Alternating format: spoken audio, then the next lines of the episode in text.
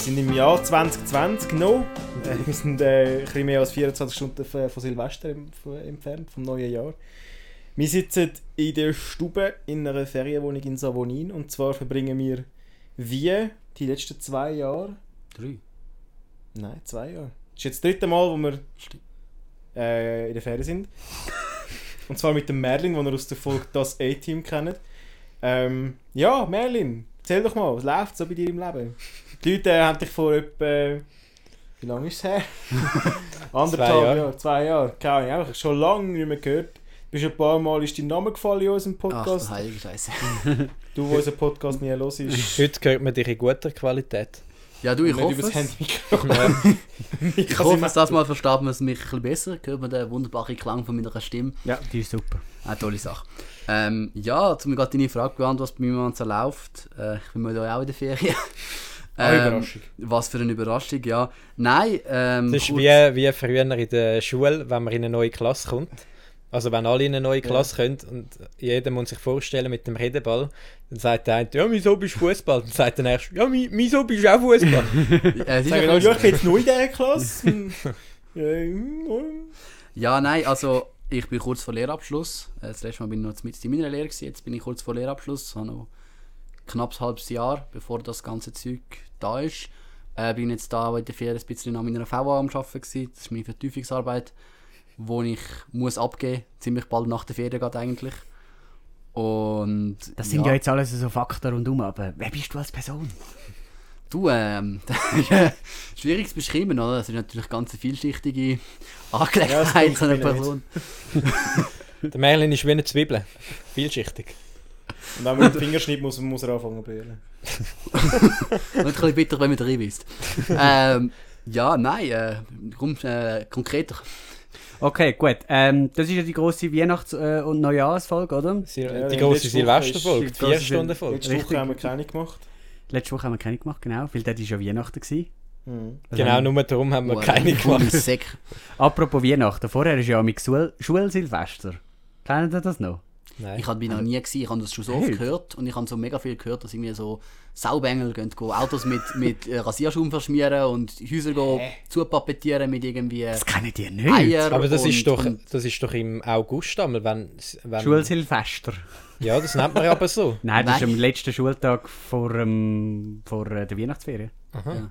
Ja, dort gibt es bei uns einen, einen Weg gegeben und dann war es gut. Gewesen. Ein Weg. Ja. Also, also bei uns in der Primarschule haben wir so, so eine Lesenacht gemacht und da haben wir die ganze Nacht in der Schule Bücher gelesen und dort gehängt und am nächsten Tag gar nicht zusammen zu Und währenddessen sind in Erlenbach Autosatz. Also bei uns war das wirklich ein mega Ding. Gewesen. Also da, da ist man ganz klassisch mit, mit Rasierschaum durch die Städte äh, gelaufen und hat irgendwie so Zeug Also, wie gemacht. kennst oder- du dich da zu Straftaten, die du begangen hast? Hey, ich habe das nie so lustig gefunden. Ich bin jetzt mehr der Eiertyp. gewesen. Aber Eier auf der Hausfassade ist auch ganz hässlich. ja, das Kannst ist ja nur etwas für einmal. Halloween gewesen. nicht? Kommt auf an, welche Häuser. Ich wollte es immer wollen machen an Halloween, aber ich bin irgendwie nie dazu gekommen. Ich habe das nie gemacht. Ich kann es Ja. nicht beschreiben, wie es ist, ein Haus auf Hausfassade Ich habe die längste Zeit gedacht, ich habe Süßes oder Saures statt dafür, dass mir die Leute irgendetwas Süßes oder etwas Saures zu essen geben. Bis ich dann realisiert habe, eigentlich dürfte ich die mit Eier beschmeißen, wenn es mir nicht kennt. Das heisst ja, gib Süßes, sonst gibt es Saures. Ja, genau. Eben. Aber ich habe immer Süßes oder Saures gesagt. Ja, auf Englisch ist es ja Trick or Treat. Ja, In der Schweiz sagt man es anders. ich habe damals noch kein Englisch können. Ja, ich habe ja, der... ich habe es ja eine Zeit Ja. lang lustig gefunden, diesen Kindern, die Halloween gekommen sind. Wir haben eh bei uns fast nie Kinder gehabt, die Halloween gekommen sind. Süßes oder Saures. Also auch früher nicht. Es sind relativ wenig, die gekommen sind. Mhm. Mhm. so zwei, drei Gruppen pro Jahr, wenn überhaupt. Und dann habe ich es ja mega lang lustig gefunden, dass wenn sie das gesagt haben, einfach eine Zitrone in das Körbel zu decken, weil sie gesagt haben, süßes oder Saures. Ja, selber die schuld. Mittlerweile selber schuld. und dann bin ich äh, etwa 8 geworden und dann habe ich es nicht lustig gefunden. Nein, also mit der Zeit habe ich dann gefunden, das ist ja eigentlich blöd. Oh ja. Der hat einen Äpfel reingelegt. Aber selber an Halloween sind die nie gegangen. Nein. Doch, doch. Nein. Ich bin um, um die Häuser gezogen. Ich bin so, sogar einmal bin ich mit dem Trotti unterwegs gewesen und ich und ein Kollege. Also ich meine jetzt nicht mit so 16, wo man es einfach lustig findet, so mit, als Kind so verkleidet, weißt du? Also als Kind so verkleidet bin ich auch immer mit den Eltern und wir sind im ganzen Quartier sind immer alle so... Wir haben auch ganz früher, als ich noch ganz klein war, haben wir so Quartierfester und so am Lecken. Also, Du bist ja immer noch Ah, ganz ja, klein, wir, aber äh, ist neben so. ja, sie Quar- jünger wieder du, Bürstli, ja? Quartierfesten sind schon geil gewesen. Ja, Dort haben wir mal ähm, immer so ein Motto gehabt, einmal Asterix und Obelix. Oh, Dann haben sich alle als Figuren verkleidet und es hat so ein Wildschwein gegeben. Ach, das Hure Das geil. ist mega geil gewesen. Nein, bei uns, wir haben einfach immer die WM zusammen geschaut, wenn sie war, so. Ja, Und, das ist auch. und irgendwie den Fernsehen in den Garten gestellt und dann haben alle zusammen die WM geschaut und gejohlt. Aber Die ganze Nachbarschaft. ja, die ganze Nachbarschaft. Geil. Aber die sind mit der Zeit halt alle weggezogen. Mhm. Und das ist jetzt viel weniger mittlerweile. Also mit den Na Nachbarn, die direkt neben uns sind, ähm, haben wir super machen wir. Also gibt's, wir haben auch unsere Nachbarn einmal so zum Raclette eingeladen. Oder Fondue ist das, glaube ich. gewesen. Aber sonst irgendwie so, so, so, so weiter weg. Also das ist wirklich alle von, wir sind in drei, vier Blöcken und das ist wirklich von allen Blöcken sind die Leute zusammengekommen. Ah, das ist ja geil. Das ist jetzt halt nicht mehr. Es ist jetzt nur so die, wo man gerade nebendran hat. So ein bisschen. Und sonst kennt man sich so ein bisschen vom Gesehen her, die aus dem gleichen Block, aber ja. Wir haben damals so Neujahr, oder so um Neujahr rum, so in den ersten paar Januarwochen äh, ein Neujahrsapero gemacht. Wo jeder so, wir haben ja, ihr kennt ja die Straße, wo ich komme, sind etwa neun Häuser oder so. Es ist Ja. re- relativ klein. Und dann haben wir die damals eingeladen und jeder hat ein bisschen etwas mitgebracht. Und dann haben Alle so euch heim. Ja, wir haben jetzt ein grosses Haus. Relativ. Flex, Flex. und es sind, Ja, äh, es in sind nur neun Familien, die dort rein müssen. Und Mhm. in dieser Stube dann stehst du rum, hockst um den Sofatisch rum. Und dann hat es auf, auf dem grossen Tisch hat's dann halt das Buffet mit dem, mit dem Zeug. Die einen haben immer selber Schinkengipfel gemacht. Äh, wir haben vom, vom Steinerbeck haben wir so ein Partybrot gehabt mit verschiedenen Belägen und so. Partybrot. Das heisst so. Springt dort äh, eine nackte Tänzerin raus. Ja, nein, das, das ist so ein bisschen das Quartierfest bei uns. Und im Sommer haben wir dann nämlich so einen Grill aufgestellt auf dem Wendeplatz und haben ein bisschen grilliert. Hat jeder sein Zeug mitgebracht. Ähm, sein Grillkäse, der, der vegetarische Nachbar ist mit seinem Grillkäse gekommen, haben wir uns alles lustig gemacht. Ähm, ja, das sind so ein bisschen Quartierfest bei uns. Aber Mhm. wir haben nie irgendwie so ein Thema gehabt wie Asterix und Obelix oder Ja, so. wir auch nicht. Nein, Quartierfest nein. schon. Wir haben ja ein grosses Quartier gehabt, darum war es Mhm. eigentlich recht cool. Gewesen. Aber das hat irgendwann einmal aufgehört, weil ich glaube, irgendwie es sind immer weniger gekommen und ich glaube, die, die es organisiert haben, haben immer weniger Bock gehabt, um es zu organisieren. Ja. Ja, und dann sind halt neue Leute dazugezogen und so, das ist eh immer wieder schwierig. Also ich habe eh das Gefühl gehabt, das ist so ein Ding gewesen, so voll, wo alle so mega klein sind so, und die Eltern irgendwie Mm, miteinander wollen connecten und dann sind die Voll. Kinder am Spielen und sie haben ein bisschen ihre Ruhe und so. Aber ich habe das Gefühl, je älter dass man wird, desto weniger ist irgendwie das Bedürfnis auch Ja, mehr gewesen, ja, habe ich das Gefühl gehabt. Es kommt halt ein bisschen auf die Gegend an. Also ich habe ja in einer Wohnung gewohnt gehabt und in unserem Quartier hat sich halt ergeben, dass so alle Familien zusammenkommen. Also einmal im Jahr. Das war so ein fixer Punkt. Gewesen. Und jetzt äh, beim Jan halt nur neun Häuser, was willst du groß äh, Quartierfest machen? Bei Merlin ist es so irgendwie ein Haus an der Straße. Dort Ja, voll Passt irgendwo irgendwie nicht. Also ihr habt, ihr habt mein ganzes Quartier glaube noch gar nicht richtig gesehen, das ist eine riesige Bebauung. Ah, das geht da hinten raus? Ja, das geht, hin, das geht viel weiter. Ah. Also es ist ja, es ist eigentlich so ein Ecke, es ist ja, ich Wir wohne ja, kennen nur den Parkplatz vorne dran. Ja, ja, nein, es hat, das ist ja, das ist ja so, in- so, so in einer Ecke rein, da vorne ist ja gerade der Kreisel, ja, ja. Und dann ist nebendran, das sind auch alles noch Blöcke. Ach so. Das, das gehört auch noch alles dazu, alles, alles was in dieser gleichen Ja. Baustil ist. Ja, Und da sind auch noch Leute gekommen von der, von der Blöcke nebendran. Also das war eine recht grosse Sache. Gewesen. Das ist dann wieder geil. Ja, ja, also das sind, das sind schon gute Ich bin Aktionen nämlich noch ans Quartierfest vom Nachbarsquartier gegangen. Aber die, die, die Eltern haben das nämlich nicht so lässig gefunden, weil die Eltern haben ja mich erkannt als eine von, von einem anderen Quartier. Aha, die Eltern von dem Fest. Ja, ja, genau. Ich habe Die, gemeint, die, die, nein, nein, meine ist doch, doch egal. gewesen. Die, Ja. Denen ist egal gewesen, was du machst. Hauptsache bist du nicht die Also ich bin ja mit, meinen Kollegen, die in dem Quartier gewohnt haben, Ah, unter eben. anderem dort Nicht einfach eingeschlichen zum, Nein, zum nein. Stützen. Aber dann eben ist dann nämlich schon ein Kommentar gekommen, äh, du gehörst doch gar nicht dahin und so. Mach, dass du fortkommst. Also so, so, so richtig äh, Quartierpatriotismus. Die, haben- Ja, die, haben- die wollen rausjagen. Ja, das ist so. Vor allem die Leute essen, essen nicht mehr ins Beribs weg. Gut, ich nehme an, die haben das ja alle, die haben ja alle Geld in den Pot rein da, oder? Und da kommt ein Nick, wo, wo da der Sperre weg ist. Ja gut, aber ich meine, so viel isst du jetzt auch nicht, oder? Also, Ähm, wie, wie soll ich sagen? Aber zurück zu Schul Schulsilvester. stimmt, stimmt. Das, das ist etwas, was ich nicht erlebt habe. Nein. Leider Weil das ist wenig, hure ja. geil. Bei uns war es geil. Gewesen. Wir- Unser Schulhaus hat sich richtig Mühe gegeben. amig. Das war eben der letzte Tag vor, vor der Winterferien. Gewesen. Und dann, wir hatten so drei Schulhäuser. Gehabt, äh, und dort hat es Sek und Primar. Gehabt. Und dann hat jedes Klassenzimmer, jede Klasse hat irgendetwas gemacht. Gehabt. Äh, da hat so schäbige Sachen gegeben, wie zum Beispiel eine Disco 0815 halt. Da hat es Leute gegeben, Das also ist so in Disco Klassen. nicht etwas Schäbiges, aber, Ja, aber weißt du, das Also ist so Discos schnell in der vorbereitet. Ja, ja. Das sind nicht so Ja. geil gewesen. aber bei uns sind sie noch recht geil gewesen. Wir haben, Wir haben damals so, sorry, sorry dass ich unterbreche, Ja, oh, aber, aber, unbedingt. aber, die- aber Disco, also Disco in der Schule ist aber noch geil gewesen bei uns. Also wir haben so, Disco in der Schule ist nie geil. doch, wir doch haben, wir haben getanzt? die ganze, also bei uns jetzt so ein, so ein Schulhausfest gegeben, einmal so teilweise. Und dann haben sie die ganze Turnhalle, haben sie, ähm, Fenster abdeckt und alles und sie haben wirklich ein Disco-Equipment aufgestellt und so und, und Musik ist gelaufen und das war schon noch cool gewesen. So. Und Ja, aber da ist doch niemand am Tanzen. Ich weiß nicht, ob wir am Tanzen sind, aber ich habe Also ich stelle mir das jetzt, wie du es beschrieben hast, ungefähr so vor wie im zweiten Filmlager, wo wir alle dabei waren, wo, wo sich drei Leute um den Augstecker streiten und unbedingt ihre Musik laufen lassen und alle sitzen bisschen auf dem Fenstersims und essen ein bisschen Chips und Und so. die, die es vorbereitet haben, sind noch brüllen. Ja, genau. Nein, nein, also, ja gut, bei uns haben sie halt die Erwachsenen vorbereitet. Das sind wenige Kinder. Die Kinder haben einfach mehr geholfen dekorieren und das sind wirklich die Lehrer und, Mhm. und so gewesen, die es wirklich organisiert haben und, und geplant haben und so. Ja. Das war schon wirklich noch cool. Gewesen. So eine Silvesterparty gibt es im Sekschulhaus bei uns auch. Aber ich selber bin ja nie in der Sek gewesen, und darum habe ich das gar nicht. Ah, ich bin ja von der jetzt. 6 direkt ins Gimmi. Da kommen wir der Sache näher. Bin nie in der Sek gewesen, will trotzdem Seklehrer werden. Damit du das auch mal erlebst. das auch mal erleben, genau. Also das ist eigentlich gar keine Ahnung von der Materie. Willst du nicht mal noch kurz in die Sek so ein bisschen Du, ich Praxiserfahrung sammeln? Für etwas mache ich Praktikum, gell? Fair enough, fair enough. ja, du. Ja, ja. Das hat es aber nur alle zwei Jahre gegeben bei uns. Okay. Und in der sechsten Klasse, also ich habe das sechste und vierte halt erlebt. Und die zweite halt. Und in, ah, in der zweiten Klasse habe ich Schach gelernt. Äh, weil es ein Klassenzimmer hatte, wo man Spiele können spielen konnte. Da habe ich äh, Schach kennengelernt. Ein Klassenzimmer, mega geil. Das hat äh, Geisterbahn gebaut. Gehabt. Oh, geil. Wo sie so Hure mit geil. denen, es gibt doch die, die äh, Behälter, wo, wo Rollen unten dran haben, wo man so Böllen kann rein tun Ja, ja, voll, im ja. Sport. Und äh, in so einer bist du reingesessen, dann haben sie die so durchgestoßen durchs Klassenzimmer.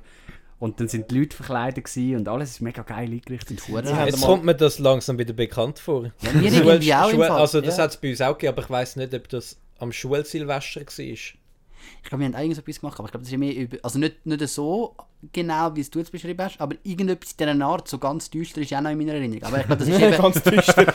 das ist auch mehr das, das ganze Schulhausfest dann gewesen, glaube ich, so ein bisschen. Aber das ist Ja. im Sommer Aber sind die, eigentlich- ihr sind ja alle nicht in der gleichen Klasse gewesen, obwohl alle drei von Wetzigen sind. Ja, Ja. es gibt mehrere Schulhäuser. in Drei, vier. Wie haben wir? Und die sind Ja. alle in einem anderen Schulhaus gewesen.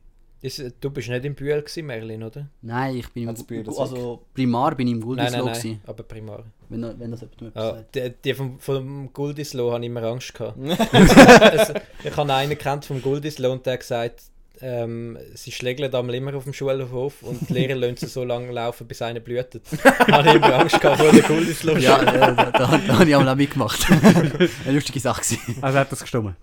Ja, also es ist schon nicht so, als wenn es Lehrer gesagt hat, ist schon etwas zwischengegangen, aber wir haben halt recht einen grossen Schulhof gehabt und es hat schon immer wieder Konflikt gegeben, aber ich, also kann ich, weiß nicht, heutzutage ist das ja voll so verpönt und so, glaub's, Dass aber man schlägelt. ja, log, ja, aber ich glaube, es hat, also man hat sich einmal nachher wieder vertreibt, also weißt du, so ist es nicht gewesen, also es hat einfach, Ja, mir nicht. Mir Also- hat das immer tot ernst. Also Ja, also Jungs halt. freundschaftlich ist ja cool. nein, nicht, das freund, wir nein, freundschaftlich ist gemacht, es nicht gewesen. es sind schon Konflikte gewesen, aber es hat, es hat halt immer wieder ein paar, ich würde sagen, in unserer Klasse hat es schon so vier, fünf Jungs gegeben, mich inklusive, die halt ab und zu miteinander geschlägelt haben. Und ich weiß nicht, wie es in der anderen Klasse so ausgesehen hat. Also, ihr habt euch ja mit provoziert und nachher einfach geschlägelt. Ja, es, ja, es hat halt, ja, man hat sich halt gegenseitig provoziert oder irgendwie einer ist ausgeschlossen worden oder, ja, oder einer hat dem anderen etwas weggenommen und sich auch lustig gefühlt und dann hat er auf die Nase bekommen und hat das nachher nicht mehr so lustig gefunden und der andere ist zusammengeschissen. Eben, das, das zeigt so eigentlich, wie wenig dass man Konflikte in der Primarschule kann ernst nehmen kann ja. und dass, dass man sich halt nach einer Schlägerei wieder vertreibt. Ja, ja, nein. Ja, aber wenn du selber ein Kind bist, dann... Ja. Also in der Sek hat man sie auch er- ernst genommen und ich könnte jetzt einen Sekstreit nicht ernst nehmen. Eben, so von außen nicht. Aber Ja. ich rede jetzt auch von außen. Aber für die Personen, die dabei sind, ist es ja gleich zum Teil ernst. ja, aber Ja. Ich, ich meine, es ist, Aber es ich meine ist, jetzt von außen es ist nicht so tragisch. Also ich, ich finde, es ist nicht so tragisch. Ich habe das Gefühl, ich weiß nicht, aber so, so, so aus, aus der heutigen Sicht habe ich das Gefühl, es ist viel mehr dramatisiert. Und ich, ich meine eben, kann ich, sind halt Jungs. Also kann ich, es wird halt mal geschlägelt und nachher vertreiben sie sich wieder und, und die Sache ist, ist gelöst. Also ich meine, es ist ja niemand ernsthaft verletzt worden oder so. Ja, ist halt auch mit gefragt, ob du einfach immer auf die gleiche gehst und der kommt immer drunter oder so. Oder eben nicht. Ja, also meinst du mobbingmäßig? Mhm. Das hat es schon auch gegeben, aber das sind andere. aber das ist nicht jetzt spezifisch. Ja, ich bin auch das mal. Opfer. Ich bin auch mal ein bisschen drunter gekommen von, von in einer Klasse, aber äh, kann ich weiß nicht, es ist kompliziert. Es ist, äh, das, also, aber, aber so das, was ich, was ich jetzt vorhin mich darauf bezogen habe, das sind, sind immer, es sind schon immer wieder so ein bisschen die gleichen, die geschlägelt haben, aber es war immer wieder eine neue Konstellation. Gewesen. Mhm. Also Mobbing ist ja eh viel weniger mitschlägler. Mobbing ist ja viel mehr hindurch und so ein bisschen... Kleine Föpplereien. Ja, Wobei, oder, in der Primar ist Sachen schon auch- anrühren die ganze Zeit Ja. oder so. Ja. Aber in der Primar ist schon auch mitschlagen, oder? Nein, also... Bei uns ist auch nicht viel Ja. geschlagen worden. Also der, der gemobbt wurde, ist nicht geschlagen worden. Doch, ich bin einmal verprügelt worden, es sind Schon? Kreis um mich herum gestanden. Echt? Ja, Oh, oh. Oh. Ah, geht das so? ja, ja, gerade so. Na gut. Ja. Aber ich weiß nicht mehr genau, wie das angefangen hat. Also jetzt da irgendwie mit, ich würd- würde jetzt nicht mit dem Finger auf jemanden zeigen aus, aus der heutigen Sicht. Wir machen auch keine Psychoanalyse bei unserem Podcast, gell? Ja, ja. Ich bin immer so einer, der einen aus meiner Klasse extra provoziert hat, weil er viel stärker war als ich. Dann ist er mir nachgesäckelt. Und das habe ich so geliebt, dass mir nachrennt. Und ich habe immer gehofft, er verwünscht mich nicht. Er hat mich meistens verwünscht, dann hat er mir weh getan. Und es hat alles... Hat immer so den Arm so hinterher gelitzt, dass er verdammt weh getan. Und ich habe es gleich immer wieder gemacht. So wie, wie, so- wie so ein Flüger, der immer wieder... Äh, ja, aber das, das hat eben auch gegeben. Die, die haben dann besonders auf die Nase bekommen. ja. Ja. Und von einer, die eine Klasse unter uns war, hatte ich immer Angst, gehabt, weil die, die haben mich immer bauen. Also, also einer, ja, ein- eine Liebe, die ja, die liebe Marla, grüß gehen raus. du vielleicht ist sie auf dich gestanden, hat ich drüber schlagen. Nein, ich glaube nicht. Das ist immer Was kritisch. nicht, das liebt sich. Das war immer kritisch, gewesen, wenn ein Schüler in einer Klasse unter, unten dran, wenn du ein Problem mit dem gehabt hast Mhm. und du hast dich nicht wollen blamieren, dass dich ein ein Jahr schwächer schlägt. Ja, Aber bin ich du immer aus dem nicht Weg Gleich hast nicht zu fest reingehen, weil es nachher heisst, du bist älter, du solltest es besser. Nein, nein, Du, nein, ich ich kann, ich kann gar nicht wollen, dass keine Sorgen Schlägerei kommst. Ja, es ist so, Ja. du kannst gar nicht, also egal was passiert, du verlierst eh. Weil Mhm. einmal hat mich einer umgerührt aus einer Klasse unten. Und das ist weißt du, wie peinlich, wenn du geschlagen wirst von einem, der ein Jahr jünger ist. Also. Ja.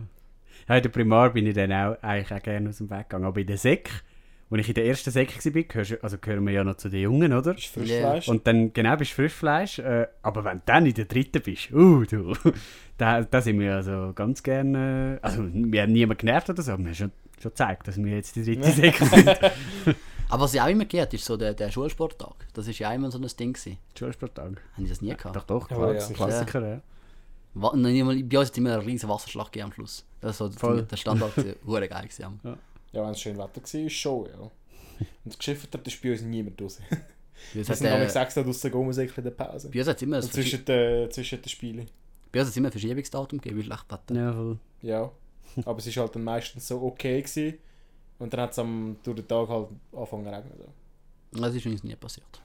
Unsere Lehrer haben halt können den Wetterbericht lesen. Wir sind nicht mehr zu Milandia gegangen. Kennen das? Ach krass. Milandia.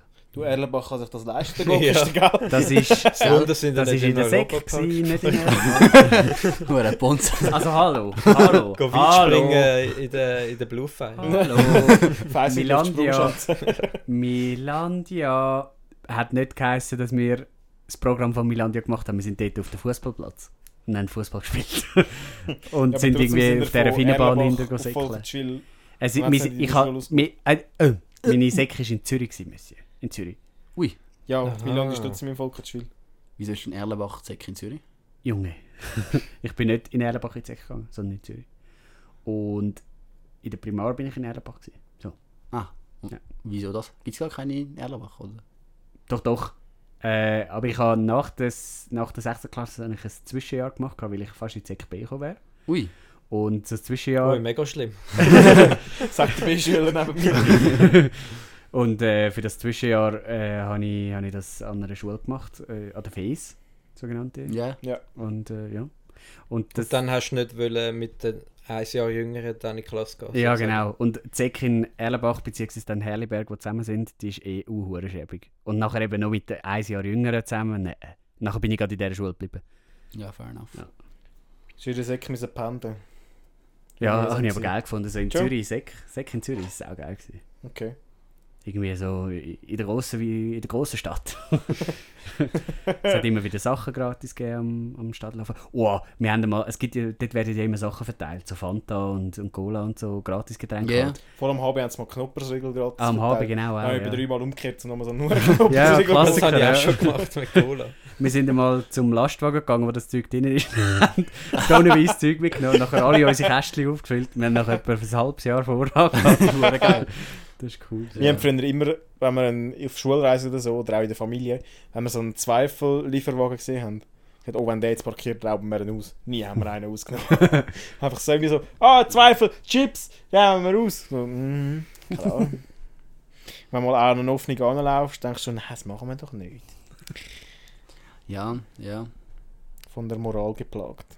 Aber Verlockung ist halt schon da. Also ich habe letztes Jahr wieder so einen parkiert gesehen von so einer Select-Automaten. Das ist so, oh, würdest du gerne zugreifen. Aber, aber machst du es natürlich nicht. Ja, das hat eben Du bist ja vernünftig heutzutage, aber äh, schön Gibt wär's. sich Mühe.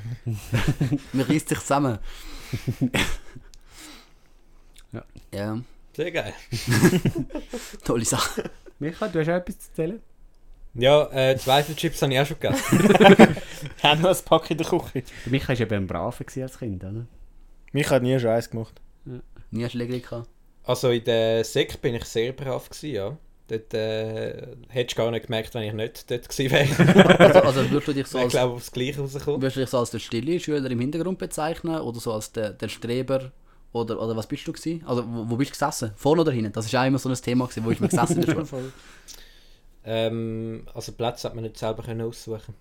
Uh, Auf je, also in der Sek bin ich einfach der Ruhige gsi, wo, wo einmal einen Spruch gemacht hat. Also einfach, ich habe einmal einfach Sprüche gerissen. also, auch, Und die, sind, also die haben dann alle lustig gefunden, aber ansonsten, ansonsten bin ich dann wieder ruhig gewesen. also so Zwisch Zwischenrufe, wo, wo der Lehrer sich dann darüber aufregt oder so. so Nein, die? Lehrer haben es auch lustig gefunden. Okay, okay. Also weißt du, wenn irgendein Schüler etwas sagt, und dann mache ich einen Spruch, der gerade dazu passt. das ist dann gut Ich würde mich auch kennen. Aber ähm, ich bin jetzt nicht selber laut gewesen. Okay. In der Primarschule bin ich, bin ich mehr der Raudi gewesen, wo immer wieder rausgesetzt wurde. Ist, so. was mit der Lehre angelegt Also wo, wo mal einen Schneeball aus dem Lehrerzimmer geschossen hat. Ja gut, wer hat das nicht gemacht? Ja, hat dazu gehört. Wo dann verraten wurde ist und hat müssen Go putzen. Kräfte geschrieben. Ja. Da haben wir doch auch mal eine Folge drüber gemacht, wo wir über so Schulgeschichten erzählt haben. Irgendwie das fliegende Klassenzimmer oder so hat es geheißen. Mhm, Ciao. ja, aber dort habe ich glaube mehr aus der Berufsschule erzählt. gehabt. Tja. Ja. Ja, das, Ja, Weiß gut, ich weiss nicht mehr. was Get wir Smart haben wir mal noch viel über Schule geredet und so. das könnte ich auch sein, ja. Gut, mit dem Jan in der Runde die redet man noch häufig über Schule. Ist ja schon was gegeben, gell? Gut, dann müssen wir jetzt schauen, dass wir es nicht wiederholen, oder? Richtig. Aber äh, was, ich, was ich noch spannend gefunden habe, ist ja immer so ein bisschen die Sitzordnung, ist ja immer so das Thema gewesen. Wer sitzt wo, wer sitzt neben wem. Hui, nein, wer, ich will nicht über einem Mädchen sitzen. Buben sind grusig. Das, Also in der Primar. ja, in der Primar, oder? und, und, und dann, dann in der Sek hat sich das ja ein bisschen gelockert und so, aber es ist ja immer noch so ein bisschen Mädchen, Buben eigentlich mehr getrennt so ein bisschen gesessen. Also, also, also zwei Bänke hast du jetzt kaum ein Mädchen und Buben nebenan gesehen, außer sie sind vielleicht zusammen gewesen. Ähm, aber was ich spannend gefunden habe, ist ja, ist ja bei uns, also sonst ist ja immer so, eben die Streber sind vorne gesessen und so die coolen, krassen sind hinten. Also sie irgendwo. haben immer Freisitzwahl gehabt. Ja, ja, also meistens, meistens. Aber Teilweise, nicht. wenn es Problem gehabt hat, der Lehrer uns umgesetzt. Wir auch nicht. Wir auch nicht. Ah, was? Primar die haben uns die Wir haben Lehrer sogar so- noch zuteilt. Wir haben auch so Gesagt, wer wo gehabt. muss sitzen. Ich weiß nicht. mehr. Gruppentisch, oh, das ist ganz doof. Das war geil, gewesen, das ist so geil. gewesen. Ah, da hast du doch so zwei Tische beieinander, nachher sitzt du das vierte. Nein, so vier oder sechs sind miteinander Ja, das haben wir schon. Ja, ja, Das war genau. geil. Gewesen. Dann, hat- dann ist so, ja, ja das Grüppli hat ein bisschen geredet miteinander. Und dann Ja. der Lehrer sagt auch noch etwas vorne. Das war geil. Gewesen. Das haben wir in der Mathe gehabt, eine Zeit lang. Aber äh, das hat gar nicht funktioniert. ich, bin, ich bin so ein Schnurri-Weib nicht Tante. Nein, also, also, wir, haben- also zum noch kurz auf das zurückkommen. Also, Oh ja. ja. so, sorry, sorry, du kein Ding, kein Ding. Nein, ähm, ähm, wie heißt, ähm, wie heißt wir, unsere, unsere Lehrer, also sie haben uns schon, sie haben schon zuteilt, aber wir haben können mitreden. Das war so ein bisschen so. Gewesen. Also du hast gesagt, wo du gerne willst sitzen und sie haben Mit- gefragt- wem? Ah, nein, so neben mit wem? wem? So, das haben wir auch gehabt. Aber die Lehrer wem? haben am Schluss die Zeitzone gemacht. Aha. Ja, so. Nochmal. Ah, Ja. ja, ja, doch, ja. Mal, Und die. Sek hast du ja können frei wählen bei uns, mehr oder weniger fast, wenn, ich, nicht. wenn ich mich recht erinnere. Mehr oder weniger, ich weiß auch nicht mehr genau, wie es war. Wir das Aber- nicht dürfen, aber wir sind auch Sek B gewesen, gell? Würde dir jetzt sagen. Nein, aber, aber was ich spannend finde, grundsätzlich hat man so die Vorstellung, die Streber sitzen vorne und die, die coolen Krass sitzen hinten. Aber bei uns, Das hat bei irgendwie, Micha nicht gegeben, weil alle sind scheiße. Es sind einfach alle hinterst aufeinander aufgeguckt. Der Micha noch auf dem Pult geguckt beim einen, weil er hier nicht will hocken. dann haben sie wieder geraucht und gekifft und so, gesoffen. ihr werdet so zusammengeschlagen. wenn- wenn ihr mal- Nein, aber bei uns war es ein Jugendkrieg. gewesen. Das soll ich eigentlich sagen. Also, dass die Streber hinten sind. Ja. Also. Und, also, und, und auch die Mädchen und, und alle Braven sind irgendwie hingesessen und die Schlimmsten sind vorne gesessen. Und, also in der Säcke halt so. Und ich bin irgendwie mit denen gesessen. Ich weiß nicht warum. Also nein, keine Ahnung, so schlimm sind wir nicht gewesen. Wir haben halt ab und zu mal, Du und deine Mädels. nein, ich und meine Boys, oder? Wir haben halt ab und zu mal eins, eins, eins getrunken oder sind Party machen so ein bisschen. In der Primar. Nein, in der Sekte. Jetzt habe ich auch von der Schon. Alles klar. Ja, alles erklärt. Wir müssen gar keine Psychoanalyse mehr machen. Alles ist erklärt innerhalb von einem Satz. Ja, nein, aber, aber das ist nicht tragisch gewesen. weil Wir haben halt über das Zeug geredet, was wir so machen. Oder hey, was machst du am Wochenende? Wie war das Wochenende? Gewesen? Oder hey, ja, schon cool gewesen am Wochenende. Der Lehrer hat alles gehört. Hat sich da mal Sorgen gemacht, uns rausgenommen. ja, du, ich mache mir Sorgen. Hat er gesagt, du, ich mach mir so. ja, ja, ungefähr so, so, ja. Dann haben sie das Gespräch mit euch gesucht. Also, also mit einzelnen von uns, ja. Geil. Mit denen, die das Gefühl hatten, hätten noch können retten Hast du zu denen gehört? Ja, einmal hat er mich rausgenommen. Aber er ist noch Nachher hat er gesehen, Hoffnung äh, ist verloren. Hey, ich habe ihm gesagt, du, ich, ich bin einer von den Braven, von den Schlimmen. Ah, haben die Dupsis gemacht?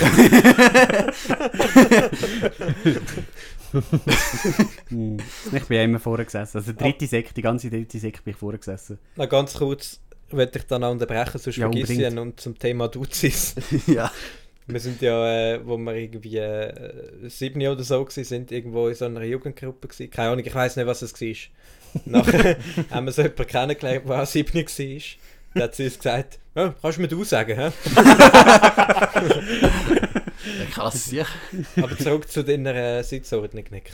Oh, ich weiß gar nicht mehr. Ah, genau. Die dritte bist du immer vorne gesessen. Ja, kurz und bündige Geschichte. Ähm, ich bin immer vorne gesessen, dementsprechend haben meine Lehrpersonen auch gehört, wenn ich mit den anderen geredet habe. Und ich, also, ich bin auch einer, gewesen, der gerne geredet hat. Aber nicht laut. Äh, und immer mit dem links und rechts. Und einmal habe ich den Hitler nachgemacht. Der Klassiker. Oh ja. Und meine Lehrerin hat gemeint, ich mache sie nach. also, es war nicht meine Hauptlehrerin. gewesen, ist, äh, Da, da habe ich auch noch etwas. Oder geht es noch weiter? Nein, ist- ist fertig. Ich habe auch einmal in der Primarschule ähm, haben wir Französisch gehabt und ich bin dort nicht mitgekommen und darum habe ich es gehasst. Und es gibt ja das Buch, das heißt Envol. Anwols. Anwo, ja. Anvol, Ah ja, das, das. Meine Lehrerin hat das führen genommen und halt zum Sagen, dass wir es auch führen nehmen, hat sie gesagt, Envol. Und dann habe ich sie auch nachgeheftet und gesagt, Envol. und ein bisschen zu laut. Und dann hat, dann hat sie so zu mir geschaut und gesagt, äh, gesagt so, Micha, ähm, wenn, wenn du so weitermachst, dann wirst du noch sehr viele Probleme mit deinem Leben bekommen. das hat mich sehr beeindruckt. Und wir gesagt, du sitzt mit uns da. Ja, jetzt sitzen wir mit dem Pro Problemschüler Merlin da, Hey. mit dem äh, Silvester auch Ey, du, also du, also hallo, ich habe den CK abgeschlossen, gell? Erfolgreich, muss ich dazu sagen. Das ist kein, das ist kein Garant für, Also- äh, also auch- für Intelligenz. mit, mit viel Alkohol bist du durchgekommen. Also, Mühe und Not. also auch wenn, ich muss sagen, also im Französisch habe ich einen drei, mit drei halber abgeschlossen. Ah, aber- shit. Aber ich finde ja eh, das Buch, Schlecht. ich frage mich, so das Anwahl irgendwie, aus, aus meiner Sicht, das verstoßt ja schon irgendwie so ein bisschen gegen die UNO-Menschenrechtskonventionen. Hat er auch immer so, so der, der, also der, es gibt ja immer so, so Streber abgebildet in diesen Heftchen. Also die sehen ja richtig scheiße aus. So aus den 70er Jahren. Also So nicht, nicht, mich nicht unähnlich zu dir. Also das Anwol ist auch ein altes Buch. Ah, ah. Also das Anwol ist ja glaube ich aus den Eben 90er so richtig alte Bilder. Haben die dann auch immer so äh, noch Bärt gezeichnet? Ja, Aber, äh, Brille und Hühe. Keiner ist verschont. Und Narben und Hitlerschnauz. Pistolen. Ja. Ein Klassiker. Ja, Ah, Gute alte Schulzeiten. ja, Ja. sehr gute Zeit gewesen. Also So viel zu Neujahr. Hm? Aber wir sind froh, äh, froh ist es vorbei, gell? Andere Sache, Jungs. Ähm, ja, das ist sogar das akutes Problem. Kennt ihr das? Wenn ihr so ein bisschen Handcreme nehmt und die euch einschmiert und hofft, Merlin sie zieht ein. Und dann haben ihr nachher so hure fettige Hände und der Scheiß zieht einfach nicht ein. Ja, Bin Ja, jetzt ist so einfach ein scheiß Handcreme. Hä? Sag der ganze Mensch, du hast eine scheiß Handcreme. Ich habe eine Nivea-Handcreme und Eben, du hast auch eine. Nivea-Handcreme. Ich kann keine Nivea. Wer ist denn das mit der Nivea-Handcreme? Ich habe eine Nivea, also ganz Körpercreme, ich kann die für Hände brauchen, aber auch für Arme und für Bauch und für, und für andere und Körperstellen. Ich kann die brauchen für was ich will. Das freut uns. Und das ist auch gut so. Das soll auch so bleiben. Merlin, du hast uns da noch etwas mitgebracht. ja. Das liegt da auf dem Tisch. Eben, ich hatte ein bisschen fettige Finger zum Anlangen, aber ähm, ich, ich probiere es Zigarette irgendwie aus, aus mir ins Gesicht zu schmieren und auf die Arme. Ähm, Bleigüssen. Also ist ja jetzt verboten, weil Blei ist ja giftig und stirbt Ist kleine nicht Kinder dran und kriegst irgendwie Behinderung so über längere Zeit. Ähm, aber ähm, so, so, so Zinngüsse ist jetzt, heisst Ah. das neuerdings. Du musst mir erklären, was das ist? Ach, Bleigüsse ist gleich gegangen, und, aber jetzt verboten worden, weil sie Ja, also wie lange hast du gar kein Beleg, uns Sachen mehr können kaufen im Laden. Und das habe ich sehr schade gefunden, weil ich es eigentlich noch gerne gemacht als ein kleines Kind. Das ist wie mit den Käpselpistolen, die sind auch plötzlich verboten worden. Ah, wirklich jetzt? Boah, Käpselpistole. Das Das habe auch ich ganz kurz dazu. Ja. Äh, wir sind früher, viel früher, als ich noch etwa so 9 oder 10 war, sind wir amigs auf Spanien in ein Haus vom einen, den meine Mutter kennt hat. Eine Woche lang oder so zwei Wochen lang. Und da hat es einmal Leute oben dran im Haus gehabt, die haben so mit so Käpselpistolen rumgeschossen und so. Und ich habe am Tag immer die Kügel zusammengesammelt. Und habe die dann am letzten Abend dann aufgebracht und habe dann so eine mega grosse Schachtel Gutzli bekommen. Weil ich Aber dann die, Das ist aber so, so, Kügelpistole. ein, so ein Glas voll, ja. Also das Krügelpistole, die Käpselpistole sind die, die klopfen. Ja, Ja, doch. die lassen zum Glück nicht raus. Du hast die Aha. freiwillig alle aufgesammelt, damit Ich nachher hatte etwas Spaß dran. gehabt. Also nein, ich habe nicht gewusst, dass ich etwas bekomme. Ich habe einfach die am Tag zusammengesammelt, dann meine Eltern am Lesen waren und äh, ich nicht gewusst habe, was machen, habe ich die zusammengesammelt. Ja, Oh, das erinnert mich auch gerade an etwas. Mein, meine erste Bezahlung ist, äh, sind ein paar Schokostängel. Schock ist immer gut. Für, äh, also, wir haben einen im Quartier gehabt, der wollte ein Baumhaus bauen. Ähm, und oben von unserem Quartier ist ein neues Haus angekommen und dort hat es halt eine Baustelle gehabt und er hat halt Holz gebraucht. Wir sind irgendwie so 10 gewesen oder so, ich und mein Nachbar. Und dann hat er uns zwei rekrutiert, dass wir, dass wir dort gehen, Holz klauen und das, dann, dann bekommen wir halt, also für sein Baumhaus. Also und ein dann- Erwachsener. Nein, nein, der ist, Aha. was ist der gewesen, damals 15 und wir halt 10 etwa. Ähm, und, und dann sind wir einfach den lieben langen Tag immer auf dieser Baustelle gewesen und haben ein Holz äh, nach dem anderen geholt, so, so Bretter halt, und die bei ihm irgendwo aufgestapelt und dann am Schluss einen Schokoriegel bekommen und er hat nachher ein Baumhaus ausbauen. Aber ist es ein cooles Baumhaus geworden? Also so richtig gut oder so, so, so, so Äh. ein Lotterkistchen? Es ist, ja, es ist nicht hoch am Baum gewesen, es ist relativ weit unten gewesen. Und er hat es auch nicht fertig bauen, weil irgendwann da irgendeine so eine Kommission kam und hat gesagt, äh, das Quartier und das geht nicht und so. Oh. So ein kleines Wäldchen gewesen, hinten drauf im. Quartier. Ah, hure Geschiss. Ja, nachher ist es nie vollendet gewesen, aber er hat cool ausgesehen. Also, wir sind ab und zu dort hingegangen. Ja. Ich kann auch immer das Baumhaus bauen, aber irgendwie bin ich nie zu. Ja, Pläne sind da gehabt. Ich will da gar so. nicht wissen, wo anfangen. Ja, das ist doch irgendwie so ein Traum von jedem, wo aber niemand macht. Aber Ja, wir haben ja den Ausbaum äh, bei uns beim Wendeplatz, der grosse fette Baum, haben wir immer wollen eins machen. Ich habe irgendwann mal angefangen, einen Plan zu zeichnen. Also so, natürlich Also kein Plan wahrscheinlich, Ja, Plan, so architektonische, natürlich völlig wertlos. Das Foto vom Baum gemacht, ausgedruckt und reingezeichnet. Wie das könnte aussehen, aber ist dann nie etwas daraus geworden. Wieso bist du nicht Architekt geworden an dieser Stelle? Ja, Weil es mich nicht interessiert. fair enough. Ähm, zum Teil schon sehr geile Baumhäuser, die irgend, in irgendwelchen Gärten äh, das ab Ja, und zu. mega. Also Ja. So zweistöckige Baumhäuser. also muss ich ganz... äh, Der Robinson-Spielplatz war ja auch so eine Sache noch früher. Keine Oh ja. Sind die dort nie gegangen? Nochmal, ich bin zweimal gesehen. Ja, wir haben mal So angefangen, etwas zu bauen und dann, dann haben wir dann, dann haben wir es irgendwie sind wir nie... Ja, Robinson-Spielplatz. Also es gibt es auch an mehreren Orten, glaube ich. Das ist so, so du hast mit Holz kannst du so Häuser... Also Holz dort, Nägel, Hämmer, alles, kannst du Hütten bauen und so. Ah, ja. Und einen Sandkasten, wo kannst du Gold suchen. Das, das Voll. ist mehr mein Ding. gewesen. nein, nein, ich wollte immer Hütten bauen, aber wir sind nie wirklich vorangekommen. Wir sind nicht oft genug dort gegangen und so. Und, und dann irgendwie einmal haben wir, sind wir wirklich ein vorangekommen, haben schon die Wände und alles aufgestellt gehabt, und dann haben wir das Dach bauen und sind dann aber nicht fertig geworden und dann sind wir eine Woche drauf wieder gekommen.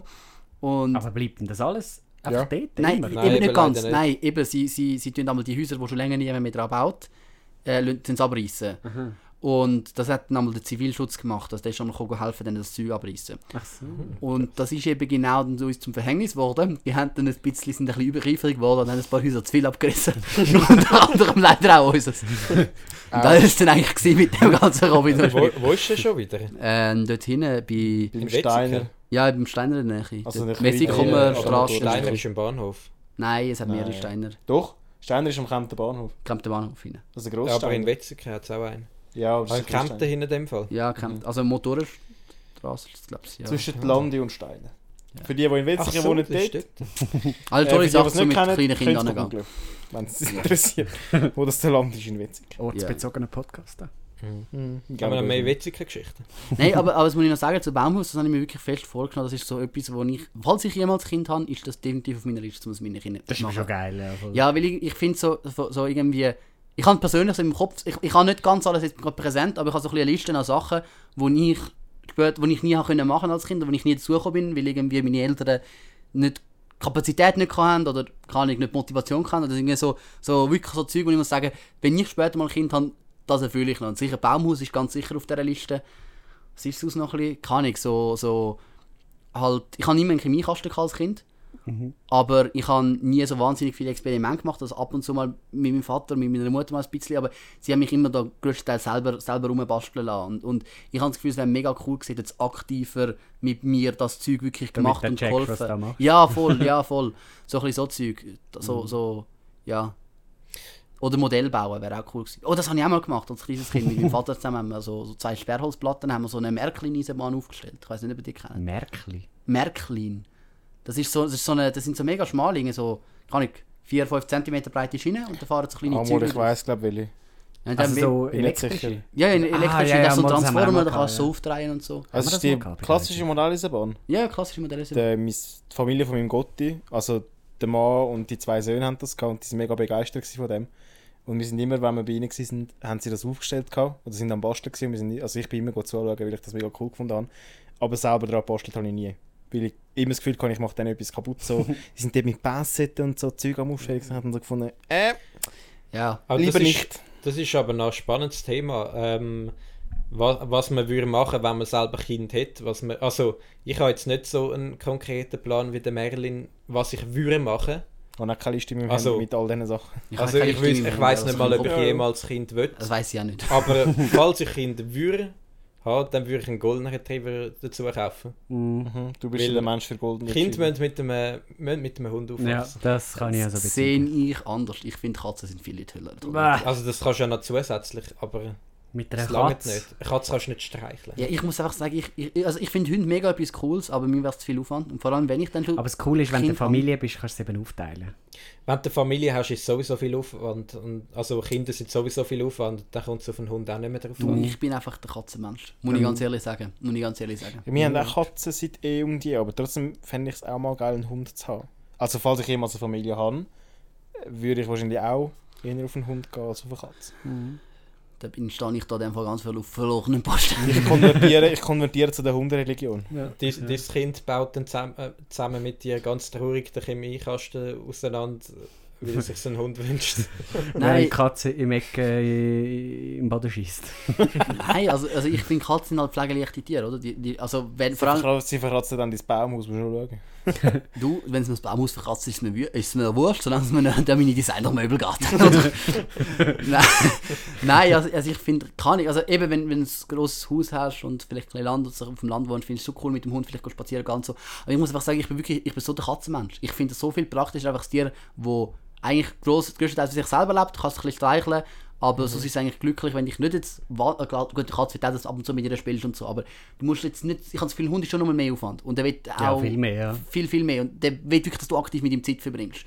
Und vor allem jetzt, wenn ich kleine Kinder hätte, ist, ist es dann auch nochmal so, dann musst du dich um die kleinen Kinder kümmern und um den Hund und es darf niemand zu kurz kommen und so. Also was ich auch würde sagen, nicht einen Hund haben, wenn, wenn du ein Baby hast, weil dann hast du so wirklich zu viel Aufwand. Das Aber habe ich das Gefühl, ja. bei, bei uns ist es so, Ja, gewesen, wenn sie so ich bin, vier sind, dann. ja voll, ich bin glaube sechs, sechs oder sieben gewesen, wo wir unseren Hund bekommen haben und das ist, nein, fünf. Und das finde ich ein mega gutes Alter, weil dann, ja, bin ich bin einfach so mit dem Hund aufgewachsen, aber schon eine Art ein bisschen selbstständig gewesen, dass meine Eltern nicht irgendwie die ganze Zeit auf mich haben müssen schauen. Und dann kannst du auch, auch die Kinder schicken, dass sie mal mit dem Hund können, können gehen laufen Voll. Ja. Also eben, also wenn du einen Hund willst, dann ist halt auch geiler, wenn du ein bisschen ländlicher wohnst, also nicht mit in der Stadt. drin. Jawohl. Aber Mhm. eben, wenn, also jetzt in meinem Alter würde ich auch niemals einen Hund wollen. Weil, du- also, kannst ja nicht mehr reisen und was auch Du immer. wohnst ja jetzt mit in der. Stadt. Ja, jetzt wohne ich mit in der Stadt. Wenn wir schon gerade bei dem Thema sind, Haustiere und so, Nagetiere. Wir haben früher, als wenn ich klein war, äh, zuerst äh, Ratten gehabt. Und später Ratten? Ratten, ja. Und später Hasen. Und ich muss einfach sagen, also bei den Ratten äh, eben die Eltern größtenteils geschaut und ein paar sind von der Katze gefressen worden. ähm, das habe ich dann über erst Jahre später herausgefunden. ich meine, die sind anders, anders äh, gestorben. Nein, aber, aber das ist auch so eine Sache. Das bleibt immer irgendwie an den Eltern hängen, nachher, die, die bei den Heim rausmischen und so. Man sagt dann zwar, ja, du musst das machen als Kind, aber irgendwie das Kind weigert sich dann, da irgendetwas Besseres zu tun. Hat einfach keine Lust, ja. Und es, es bleibt nachher irgendwie doch an den Eltern hängen. Und ich muss einfach sagen, das würd, müsste ich mir jetzt nicht unbedingt antun als Eltern. Es sagt, dann hast du wirklich irgendwie Kinder, die irgendwie vielleicht 14, 15 sind und dann sagen sie, wenn jetzt unbedingt Tesla, dann kannst du sagen, okay, look, aber dann müsstest du ja wirklich selber raus. Viel Spaß, wenn er die Katze auf deinen Designer-Möbel kotzt. 14-, 15-Jährige, die unbedingt Tesla mit. Ja, du, ich weiss es ja. Wir haben- Das wir ist so das Alter, das ich schon kein mehr. Aber es ist, schon, es ist schon traurig, wenn kein. Also bei uns war es gut, gewesen, unsere Großeltern hatten einen Hund. Gehabt. Und äh, dann bin ich auch ein bisschen mit dem Hund aufgewachsen. Aber, äh, aber ähm, es ist schon traurig, wenn du selber kein, kein Haustier hast. Wir hatten nur einen Igel gehabt, mal. Ein Igel? Als Haustier? Oder Also- einfach im Garten? Hm? Also als, wirklich als Haustier oder einfach, einfach so im Garten? Also meine Mutter hat ihn irgendwie so am Strassenrand entdeckt und dann, Mm. also so ohne Eltern und so, dann haben wir ihn wieder aufgepäppelt. Das war ein Baby-Igel. gewesen. Und dann Ah, haben wir ihn je. gross werden lassen und dann irgendwann im Tierheim ab... Nein, nicht im Tierheim. Irgendwie so, keine Ahnung. Also wir haben so können, bei so einer Station haben wir können anrufen, was ein Igel braucht und haben wir dem so Schöppen gegeben und so. Mhm. Ah ja genau, dann haben wir ihn ausgewildert, haben wir bei irgendjemandem können im Garten äh, Ah, ja. aussetzen wieder. Igeli sind schon herzig. Aber er ist auch nicht so geil zum Streicheln gewesen. Aber Baby. Wie- die wie nicht Kaktus, hä? Also aber sie, sie sind einfach nicht so stachelig, wie du das denkst. Also es tut nicht weh. Ich glaube, es Also, kommt ein bisschen darauf an, ob, sie sich jetzt so zu einer Stachelkugel zusammenrollen oder nicht. Ja, klar. Aber du, die sind ja, die haben uns ja gekannt, gell? Das ist mal einer, wo ich irgendwie zu Abend mit dem Velo heimgekommen bin. Ähm, ich glaube, während der Catch Me-Saison war sogar. Ist ein Igel bei uns auf dem, auf dem, Tepp- auf dem Fußvorleger vor der Tür gesessen. Da Einfach hast du nicht rein können. mal sicher, aber ich habe dann zuerst natürlich äh, geschaut, dass der auf die Seite gar nicht, dass der ins Haus reinkommt. äh, und unsere Katze nachher einen Schreck kennt davon. Blutige Nase sich holen. Ja, nicht das erste Mal, dass sie sich an einen Igel stupfen. Letzte Woche ist bei uns in der Garage, äh, also wir haben so eine Garage, wo halt alle sind, also wo es irgendwie Ja. so 50 andere Autos hat, ist einfach so eine Katze rumgelaufen und die ist mega zutraulich gewesen, die ganze Zeit zu mir gekommen. Dann habe ich also gedacht, die will wahrscheinlich jetzt mit mir rausgehen, weil sie irgendwie da drin eingesperrt ist. Dann habe ich sie so rausgelockt, damit wir nachher draußen sind. Und kaum sind wir draußen gewesen, wo ich sie auch wollte streichen, hat sie mich einfach äh, vertätscht. dann hat sie mir die ganze Zeit gebissen, ist mir aber immer wieder nachgelaufen und kaum habe ich abgehalten, hat sie mir wieder gebissen. Du hast ein bisschen ein Problem mit Katzen. Ich habe ein kleines Problem mit Katzen. Ja, also. Liegt das entweder daran, dass du nach Hund schmeckst? Kann das sein? ja, ich habe ja keine mehr. Ja, gut, stimmt. Hä? ich, ich habe ja gesagt, ich bin nicht aufgewachsen mit, mit Haustieren. Das ist ein bisschen falsch. So, wo ich etwa 14 war, dort haben wir eine Katze geholt. Ist halt nicht so geil gewesen wie ein Hund, aber ist immerhin. Immerhin. aber die, sind die, hat, die hat den auch des Öfteren angegriffen. Ja, immer dann, wenn, also ich bin ja ab und zu mal bei dir go übernachten und so, wo wir noch, wo noch jung gsi sind. Und dann ist die ja mit auch dort gewesen. Und immer wenn du aufs WC bist, habe ich sie versucht zu streicheln. Dann hat sie mir immer eins geklopft. und hat rumgefaucht und so. Und dann bin ich wieder dran. Ich erinnere gerne an meine meine Katze, an, die, an meine schwarze Katze, die ich noch nie irgendwie gebissen oder gekratzt habe. Ja, also meine eigene Katze macht es auch nicht. Hä? Aber Du hast ja keine auch eigene. Katze. Hä? Du hast ja keine eigene Katze. Sicher habe ich eine eigene Katze. Sicher nicht. Ja, Familienkatze, meine Güte. der Nick hat erzählt, meine Katze ist anscheinend so dermaßen ausgerastet bei ihm, dass er gedacht hat, er hat etwas kaputt gemacht. Was? Was ist das für eine Katze kaputt gemacht? Ja, also meine so mit 13 oder so. Aber was halt geil ist, dass das liebe ich an Katzen. Das kannst du mit Hunden nicht machen. Das sind so, sind, so treue, treue Tiere, die dich so mit ihren, ihren Glubschaugeln anschauen und, und, und um Essen betteln. Und Katzen sind halt schon eigenständig. Und keine Also unsere Katze be- bettelt auch am Essen, wenn wir am Essen sind. Ja, schon, ja, aber mein Punkt ist eigentlich mehr, gewesen, dass Katzen halt auch ein bisschen foppen kannst. So, du kannst irgendwie Ja, so Post-its an die. Füße kleben und nachher, nachher laufen sie auf den Hinterbeinen rum. Oder du leist eine Gurke hin- hinten an, wenn sie am Essen sind. gibt ja ganz viele lustige Videos Ja, im. Internet. Oder was, was, ich, was mein, mein Lieblingsding ist, wir haben so, so Baldrian-Lösung daheim, so zum, zum halt irgendwie zum Einschlafen, oder? Mhm. Und wenn du ein bisschen von dem auf den Finger träufst und der zum Schnuppern gehst, die, die flippt er komplett aus. Das muss ich die, ausprobieren. die, ist, die ist nachher putzt dann. Bei uns ist immer Die ist so... komplett bachen, die checkt nichts mehr. Ah, du hast gesagt, das ist nur bei 50% von allen Katzen so. Habe ich eben gemeint, ja. Also unsere reagiert jetzt auch nicht so stark, aber wir haben einen vorher gehabt, der ist leider, leider gestorben mittlerweile. Also ist ein bisschen alt geworden. wegen dem. ich glaube, voll zum überdosis. Nein, nein, der ist, der ist, der ist recht alt geworden. Nein, der, der, der hat das einmal gemacht, als ich klein war bei dem. Und der ist wirklich, der hat mir das vom Finger abgeschleckt und der hat nachher angefangen zu schnurren und Sachen abschlecken und den Stevi angeknabbert und sich auf dem Boden rumgewälzt und völlig ausgeflippt gewesen. Aber so in 10 Minuten wirklich hast du das Gefühl gehabt, der hat irgendwie Oh, Merlin. Crack geraucht oder so. Bei uns jetzt ein bisschen we weniger äh, coole Geschichte, aber Oh, oh. Oh, Oh oh. no. also weniger Oh, Action. Merlin! weniger Action in der Geschichte. Aber wenn du bei unserer Sachen gibt's. Eine Zitrone oder eine Orange oder so etwas anhebst oder, oder ein Pfefferminzkaugummi oder so, ihre abhustest, dann verzieht sie richtig das Gesicht. Also das hat sie gar nicht gegeben. Das ist ein bisschen unspektakulär. Ja, das nicht etwas richtig Schlimmes. Unsere Katze, also die eine die schwarz, wo, wo sehr zutraulich ist und sich gut streicheln lässt, die isst fast alles. Also wenn du irgendetwas vom Tisch anhebst, dann isst sie das. Bohnen isst sie, Fenchel isst sie, äh, Peperoni hat sie auch schon gegessen, Pilz isst sie. Also weißt du, alles das, was man eigentlich nicht denkt. Von der Chinoise. ja, es ist ja Fleisch, du Schlaue. Also, aber, aber, Aber auch nur, Nüssli-Salat. aber nur wenn du vom Tisch gehst. Gell? Also wenn sie, wenn sie, wenn sie im Futter abschlecken, dann, legen, dann ist es scheißegal. Ja, der Futternapf ist ein Stock unten dran. Ja, aber Ich, gehe- ich stehe doch nicht vom Tisch auf, hüpfe einen Löffel Bohnen und gehe wieder rauf. Nein, unser Erster war genau gleich. Der, hat- der hat immer wollen, was wir auf dem Tisch haben. Und das hat er dann auch gegessen, wenn du ihm gegeben hast, meistens. Chips hat er heiß geliebt. Und wenn du aber, aber wenn du ihm dann in den Futternapf gelegt hast, dann hat er die Nase verzogen und ist weggelaufen. Das war scheißegal. Gewesen. So, nein, das ist jetzt äh, das ist kein Katzenessen. Das Lieblingsessen von unserem Hund war Käse. Gewesen. Käse Geil. und Butter. Der Käse liebt es. Und, und er hat irgendwie, ich weiß nicht, äh, wenn er das Essen nicht gern hat, das hat also gerade als er älter wurde, hat er gerne mal angefangen zu streiken über sein Essen. Ähm, vor allem zum Morgen, irgendwie, weil das so Trockenfutter war. Dann haben wir einfach noch so ein bisschen geraffelten Käse drüber da und dann ist das also perfekt gegangen. Geil. Irgendwann so Geissenkäse, wo er so ein bisschen flüssig war. Ah. Das hat er geliebt. Wah. Man manchmal, äh, wo wir noch brunchen haben am Morgen, so mit der Family, und einer nicht gut geschaut hat, ist er auf den Tisch und hat den Butter gegessen. Der ganze Futter. Alles andere hat er sein lassen, er hat einfach den Butter gegessen. Ja, aber euer. Hund ist ja riesig. Ja, dort war er noch jünger. Gewesen, Ah. ja. Das, das war in den ersten paar Jahren, gewesen, aber, aber sonst Käse, ja. Also haben die nicht können erzählen, dass der nicht auf den Tisch geht. Mal irgendwann dann schon natürlich. Ah, okay, eben. aber am Anfang war ihm das also ziemlich gleich. Gewesen.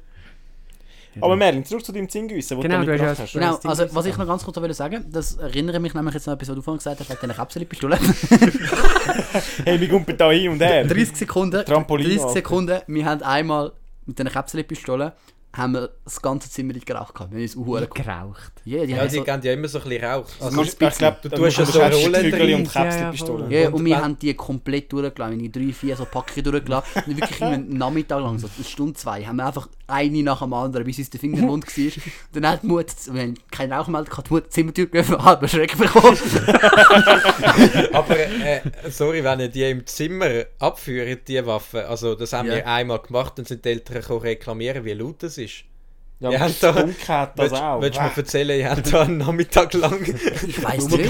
rumgeschossen? Ja, wir haben aber schon in der Wohnung mit denen rum- rumgeklopft und gespielt und so. Das ist Das wir Und es ist nie deine Mutter gekommen schauen, sag mal, was machen die? ich glaube irgendwann schon, aber das ist ziemlich recht voll mit Rauch. gewesen.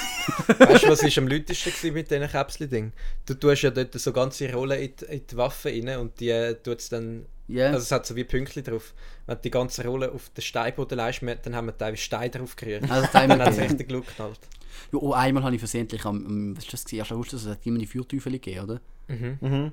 Nein, einmal versehentlich, so eine Feuer, also nicht versehentlich, ziemlich bewusst, nur ein Feuerteufel in die Luft. Ich habe es einfach aufgerührt und dann durch die Schwerkraft sind sie halt runtergefallen und auch explodiert, oder? Tut schwerhaft. Ja, dann habe ich einmal in der Wohnung seinen aufgerührt, ein bisschen weit rauf, dann ist schnell die Decke explodiert. Das hat heute noch einen schwarzen Fleck an der Decke. Hat Gravity jemand is a gemerkt? bitch. Hast du Ärger bekommen? Ein bisschen, ja, ich meine, es ist nicht Absicht. Ich glaube, ich, ich hätte den Hausarrest vom Leben bekommen. Ja, ich meine, es war ja nicht Absicht. Gewesen. Ich habe ja nicht absichtlich jetzt die Decke kaputt gemacht. Es ist, halt, es, ist, es ist jetzt halt passiert. Es ist dumm gelaufen. Ich mache es sicher nicht mehr. Das hat mir selber auch getan. Also, zurück zum Der Zinngüssen. Jetzt sind wir gerade beim Feuerwerk. Ja, Mami sagt mir auch. Äh, da. Nein, komm, jetzt gehen wir zum Zinngüssen. Das ist Also auch gut. Feuerwerk. Das können wir ja nachher noch, das wird eine lange Folge. Ja. Ist ein ganz langer Ja, wenn ihr jetzt nicht mehr Feuerwerk Also nein, jetzt tun wir mal das dämliche Jetzt, jetzt, haben wir schon, jetzt haben wir schon genug angeteasert. Ja. Also was das eigentlich ist, weißt, wisst ihr das oder muss man das noch zuerst erklären? Äh, ich weiß es schon, aber alle unsere Zuhörer wissen das für den Micha, wo geht schon Äh, Micha verreist jetzt einfach wieder. hä? Ah, mich kann nicht Also mehr Zinngüssen sollte ja eigentlich irgendwie Nimmt die Zukunft voraussagen, wäre so der Gedanke. So ein bisschen wie dein Jahr Es- wird. Jetzt nehmen wir extra für einen Podcast Kaugummi. Das stinkt von du, wie hässlich. Wenn ich rede, dann nehme ich nochmal raus. Also, Schieben nochmal in die Packen, wenn ich rede. so- soll, ich- soll ich da die Anleitung vorlesen? Unbedingt. Achtung! Chinesisch bitte. Ungern, ungern. Auf Chinesisch aber bitte. Ich kann es leider nur auf Italienisch, Französisch und Deutsch. Also bitte. Mach Italienisch bitte. Attention, nein, ich mache Französisch. Attention, Danger d'escalier. Ich finde es viel geiler auf Deutsch, auf Deutsch steht Achtung, Spritzgefahr. Ähm, Nicht, Geil, wie jemand gelacht hat. ja, habe ich jetzt eigentlich auch schade gefunden. Wir sind nicht im Lustbuben-Podcast. Ja, ist ja schade, hä? Nicht Da gibt es zum Glück nicht. frech. Nur ja kleine jetzt Randbemerkung. Der Michael legt das Mikrofon weg, macht sich bequem und, und redet fröhlich. Ich kann, ich das Mikrofon nicht genau, weil ich gewusst habe, das ist jetzt nicht so spannend, was ich erzähle. Das ist der Michael aus der Primar, der einfach einen Kommentar aus Also, dem ich- Verein abgibt. Ich lese einfach mal die Anleitung. Nicht für Personen unter 14 Jahren. Ah, da ist jetzt noch Zettel. Gibt's- Kannst du es nicht auf, auf die wichtigsten Facts aber Ja, dann muss ich es aber meine, unsere- lesen, muss ich es ja so oder so, damit ich schalten weiß, was wichtige Facts sind. Alles gelesen habe ich ja noch nicht. Du weißt also eh, im wie es geht. Prinzip geht es doch darum, man tut das irgendwie gießen, damit man nachher eine Figur bekommt, damit man nachher kann wissen wie die Zukunft ist. Genau, Oder so genau. Quatsch. Ui, ui, Du tust es ui. glaub, auf dem Löffel, den er dort hat. tust Genau, du- du es erhitzen. tust du die Milch äh, erhitzen. Und nachher, wenn es flüssig ist, kippst du es ins Wasser und dann, weil es halt so schnell abkühlt, formt sich Ist das so homöopathischer Google? Also das Einzige, was man jetzt dazu noch muss sagen, was vielleicht ein bisschen ungünstig ist, ich sehe da gerade, ähm, flüssiges Zinn in die Mitte einer mindestens 10 cm hoch mit Wasser befüllten Schüssel geben. Ich befürchte, die Schüssel, die ich da habe, ist gerade mal 15 Ich gehe mal schnell etwas suchen. Das wäre lieb von dir, super. Ah! Ui. Währenddessen können wir ja über Käpselpistolen reden. Oder über Feuerwehr. Oder über Feuerwehr. Oder ich könnte... Oder du könntest die Anleitung noch ein bisschen spannender erzählen als bisher. Also erzähl Also. etwas über Feuerwehr. Oh nein, ich habe noch eine andere Geschichte, noch besser. Ja, erzähl. Ähm, letztens, letztens bin ich ja äh, äh, fröhlich, freudig durch Bülach durchgelaufen und dann ist ein alter Mann zu mir gekommen äh, und er hat einfach so gesagt, ja verdammte Corona-Lügner, gehen wir so auf den Sack im Fall. Und ich habe so gedacht, hä? Was ist jetzt los? Und da, da habe ich, hab ich gefragt, ob, ob er mich meint. Da hat er gesagt, ja, verdammte Corona-Lügner, du! Hast du etwas gesagt, oder was? Ich habe nichts gesagt und das habe ich immer gesagt. Sie, ich habe doch gar nichts gesagt. Was ist jetzt los? Äh, wie, wie kommen Sie jetzt auf das? Und dann hat er gesagt, du bist doch ein Corona-Lügner, ich sehe dich doch an. Dann habe ich gesagt, nein, überhaupt nicht. Wieso jetzt? Dann hat er gesagt, hast ja kurze Hosen an. also völlig willkürlich. Dann habe ich gefragt, was jetzt kurze Hosen... Also man muss für das wissen, ich habe gerne mal im Winter kurze Hosen an. Ähm, da Ja. habe ich, habe ich halt kurze Hosen angehabt und dann habe ich gefragt, wie, wie er jetzt auf das gekommen ist. Und dann, seine Begründung war, ja, an Winter glaubt in dem Fall auch nicht mehr, verdammt Corona. Ich weiss nicht, ist das schlau, dass du eine Plastikschüssel bringst? Das fällt ja ab.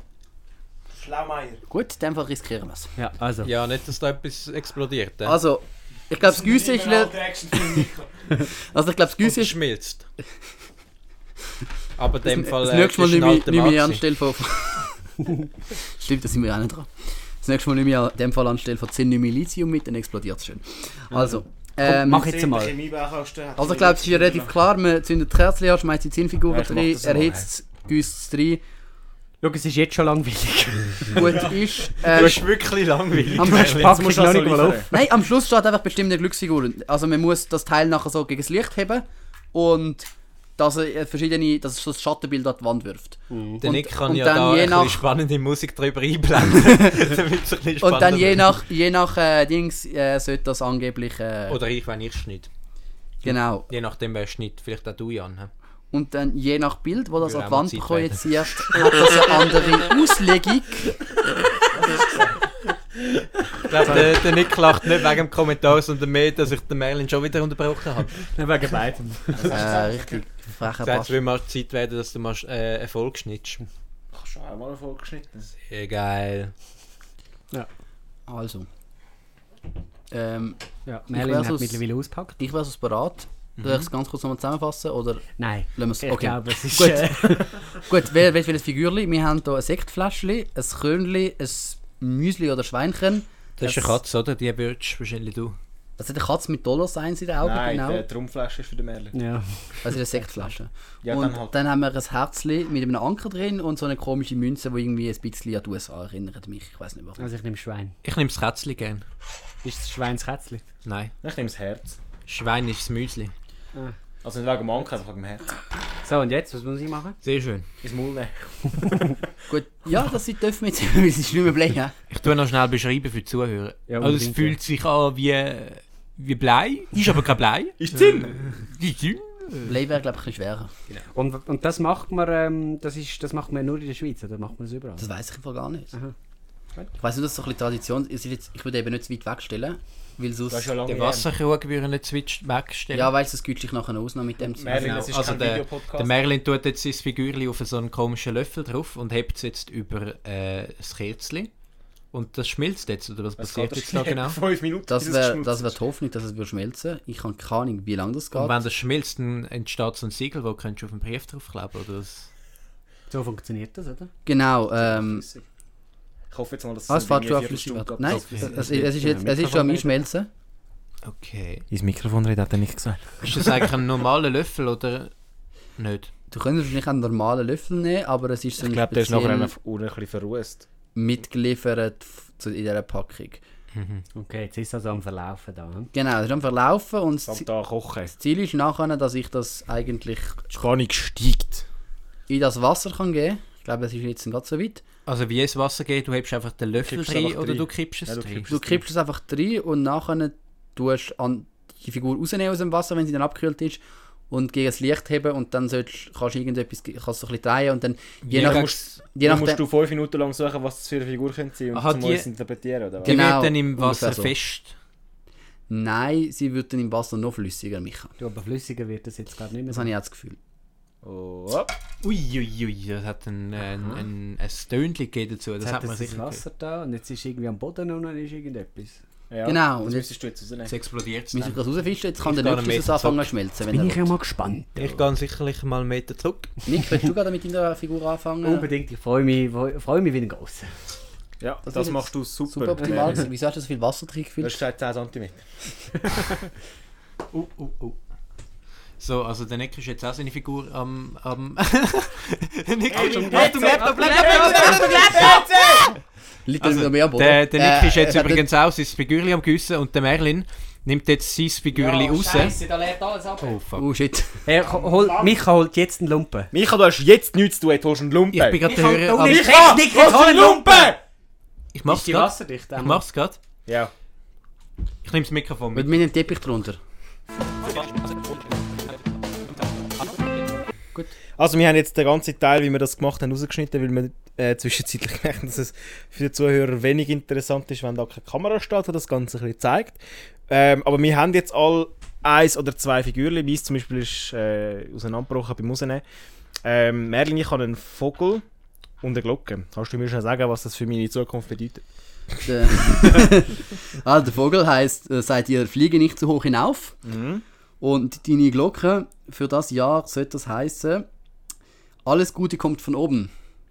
Ja, also alles so nichts aussagen. Also ein. Widerspruch. Ja, schau, wir können es jetzt so interpretieren. Ja, nein, ich selber soll nicht zu hoch fliegen, aber alles, was gut ist, kommt ja dann von oben.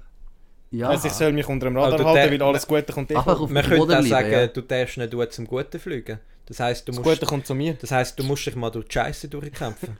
Das heisst, Nein, es es wird heisst, das Gute kommt zu mir. Aber es sind doch alles so nicht, wieder so nicht Aussagen wie bei Ja, das ist Horoskop, ja logisch, kannst das ist ja klar, das ist jetzt erwartet gewesen. Was, was erwartest du, dass jeder sagt, «Hm, Jan, nächstes Jahr wird wirklich ein gutes Jahr für dich. Ich hätte es also wählen, ja. wirst du Jahr wirst ganz viel Erfolg haben. Nein, das Wenn hätte ich jetzt wirklich wählen, dass mir noch jemand sagt, schau, Jan, das nächste Jahr sieht so aus für Wenn dich. der Jan seine Figürchen googelt, dann steht Jan, du studierst äh, Lehrer werden und äh, Wow, das wäre das wär aber echt creepy, wenn man so kommt.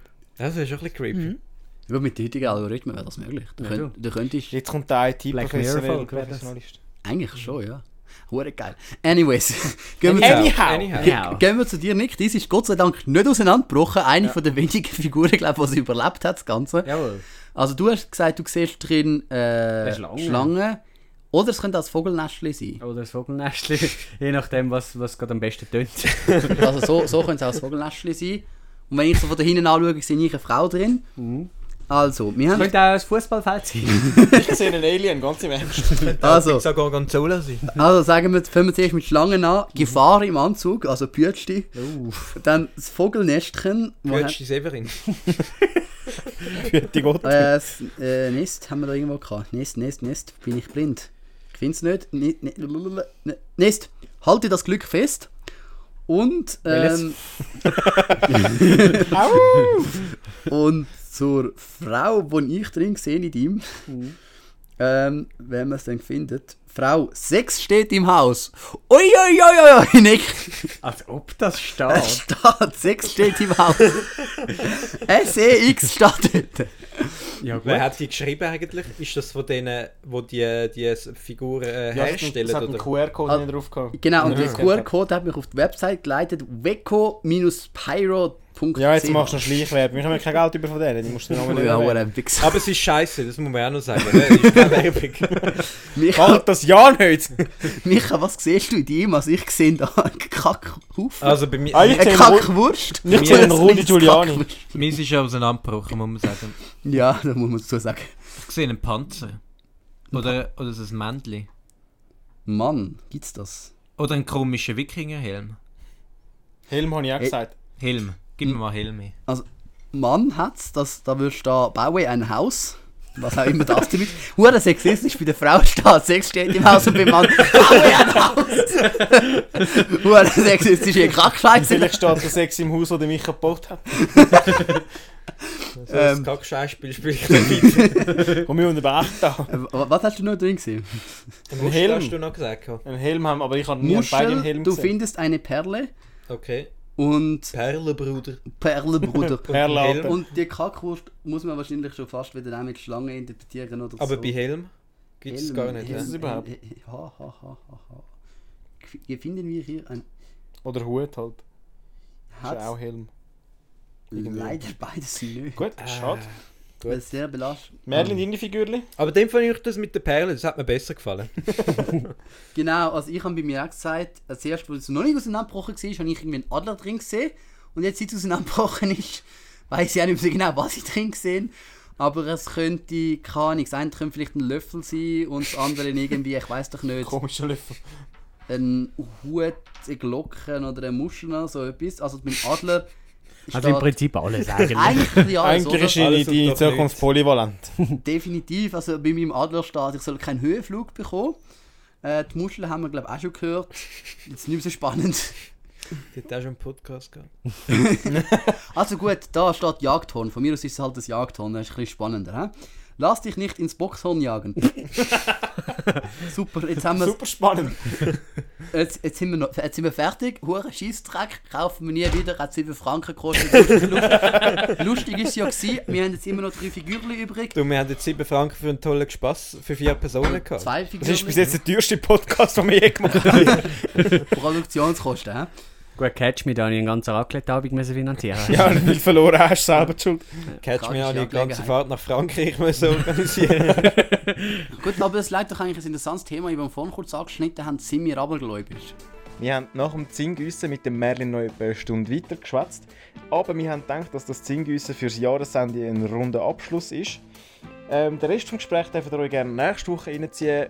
Ähm, aber an dieser Stelle wünschen wir euch ganz einen guten Jahresabschluss, einen guten Rutsch ins neue Jahr und bleibt gesund.